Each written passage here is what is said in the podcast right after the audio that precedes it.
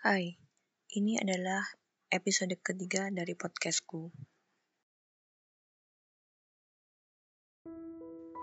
Mahasiswa baru, bahagia, polos, dan penuh semangat.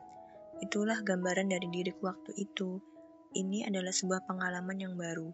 Memakai baju bebas saat menuntut ilmu, jam kuliah yang tak sepadat saat sekolah dulu, punya banyak kenalan baik dari Sumatera sampai Maluku, Asnangnya jadi mahasiswa baru.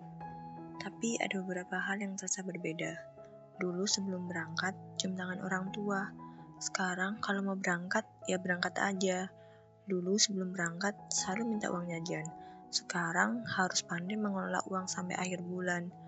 Dulu kalau mau makan, ya tinggal makan. Semua makanan sudah siap di meja dengan aroma yang menggoda. Sekarang kalau mau makan, ya harus usaha entah itu masak sendiri atau beli di warung biasanya. Menjadi mahasiswa adalah bagian baru dan penting dalam hidupku. Jauh dari orang tua dan punya kewajiban kuliah adalah kombinasi pas untuk mengupgrade diri. Aku jadi belajar mandiri, belajar memanage waktu, sampai belajar bersosialisasi. Saat kuliah, aku dihadapkan dengan pilihan menjadi mahasiswa kupu-kupu atau kura-kura Awalnya aku takut kuliahku akan tertinggal kalau ikut organisasi semacamnya.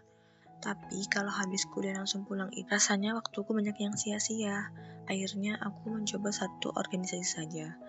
Menjadi mahasiswa juga membuatku bertemu banyak orang baru, banyak teman, banyak kenalan, dan pasti ada saja yang bikin nyaman. Tapi sebagai mahasiswa baru, aku perlu berhati-hati.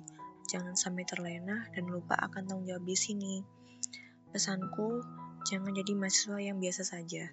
Sibukkanlah dirimu dengan kegiatan yang positif tentunya. Bisa aktif di organisasi atau mengikuti berbagai kompetisi. Jangan hanya mengandalkan IPK, tapi jangan juga meremehkan kuliah. Tugas utamamu di sini adalah kuliah. Tapi penting juga untuk mencari pengalaman dan koneksi.